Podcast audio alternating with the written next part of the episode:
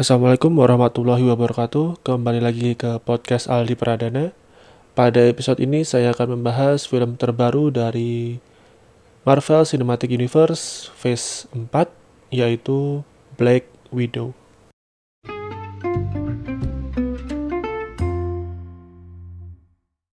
Saya ini udah lama banget nggak update podcast, mungkin sekitar seminggu dua mingguan udah nggak update karena beberapa film yang saya tonton itu tidak bisa direview secara panjang.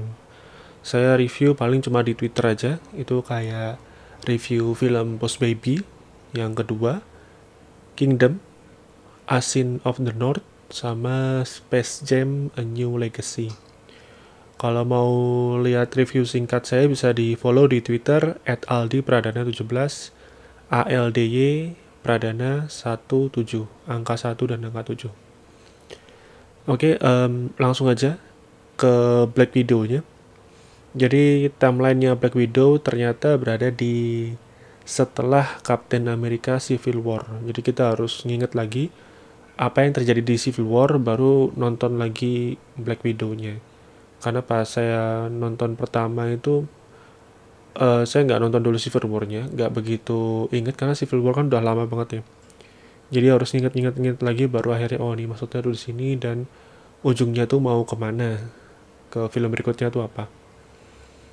Untuk inti ceritanya uh, Natasha Black Widow ingin menghancurkan Red Room. Red Room itu tempat dia dilatih dan diperalat untuk melakukan kejahatan sebelum dia masuk ke SHIELD dan Avengers.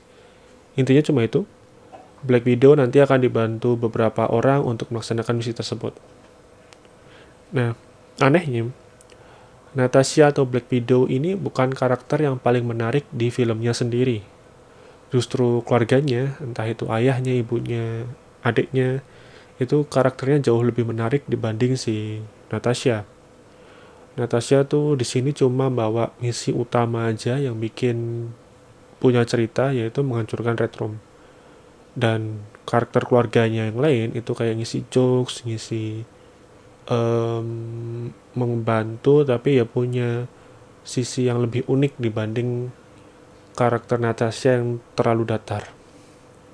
Dan beberapa karakter dari keluarganya ini memang seperti sudah disiapkan untuk film berikutnya makanya uh, bikin orang penasaran dan bikin lebih lebih keinget gitulah karakter-karakter ini tuh untuk karakter villainnya ini juga lemah. Dreykov dan Taxmaster tidak ditulis dengan baik, jadi itu juga mudah sekali untuk dilupakan.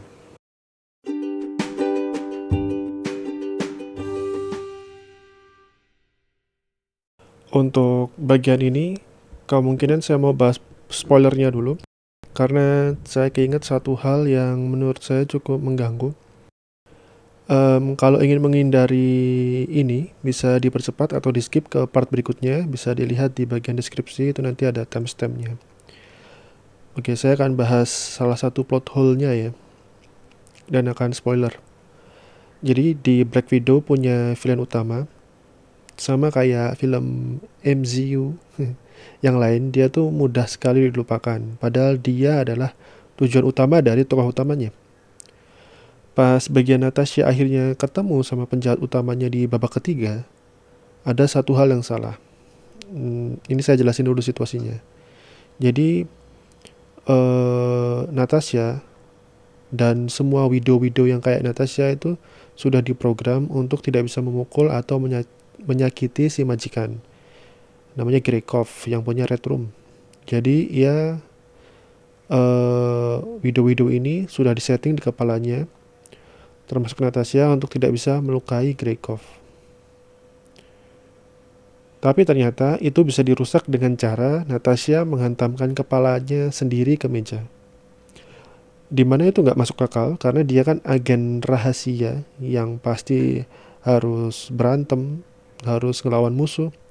Dan musuh pun pasti akan ngincer kepala atau nendang kepala atau mukul kepala ya widow ini ya salah satunya ya Natasha ini maka dari itu saya nyebut ini plot hole ini nggak masuk akal.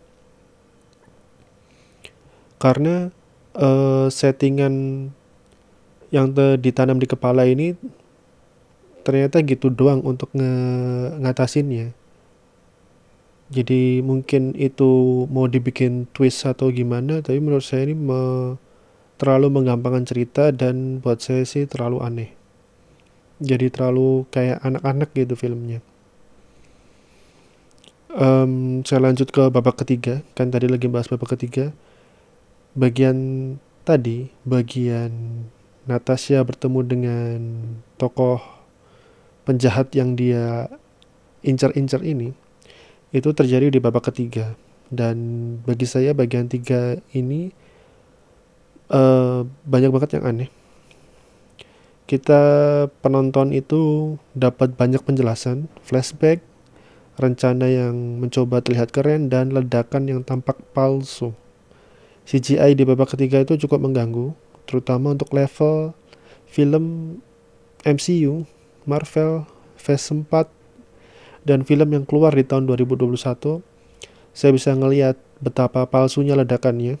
Saya sebenarnya nggak begitu berharap CGI-nya harus bagus banget tapi di bagian ketiga ini itu kelihatan banget kalau itu green screen dan ini justru di bagian puncaknya di bagian uh, paling penting momen-momen paling penting um, penonton tuh bisa lihat green screennya kayak gimana ketahuan kalau ini CGI dan segala macam dan sekali lagi ini keluar di tahun 2001 dan juga film dari Marvel. Jadi buat saya itu agak mengecewakan. Ini dengan efek-efek yang terlalu kelihatan ini tuh bikin saya ingat lagi sama Spy Kids dan efek CGI-nya yang tanggung.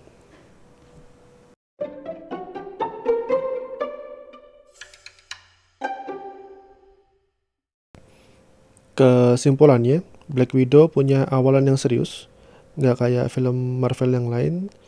Tapi itu cuma awalannya aja yang serius karena habis itu film ini kembali ke formula Marvel setelah satu jam. Lengkap dengan jokes khas Marvel Cinematic Universe. Satu lagi, saya udah nyebutin tadi buat yang ingat, Black Widow buat saya hampir mirip sama Spy Kids formulanya, bukan ceritanya. Jadi ya ada dua uh, ada orang tua, ayah ibu, dan dua anak. Beraksi sebagai agen satu keluarga melawan kejahatan. Kurang lebih kayak gitu. Kalau contohnya kurang familiar, saya akan sebut contoh lain yang hampir mirip, itu kayak The Incredibles 1. Tapi ya lebih ke Spy Kids sih sebenarnya. Itu cuma sebagai contoh aja, contoh yang lain. Sebenarnya Black Widow itu lumayan seru, tinggal harapannya aja jangan ketinggian, karena emang ini ternyata cuma film popcorn biasa dan lebih ke kayak send off Black Widow-nya, Natasha-nya sama mempersiapkan beberapa karakter untuk phase 4. Kayak Red Guardian sama Yelena buat saya jelas akan muncul lagi.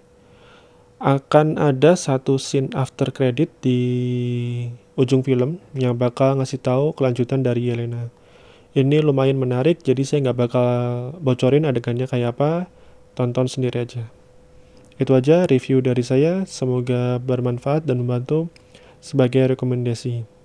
Sekian dan terima kasih telah mendengarkan podcast ini sampai selesai. Saya tutup. Wassalamualaikum warahmatullahi wabarakatuh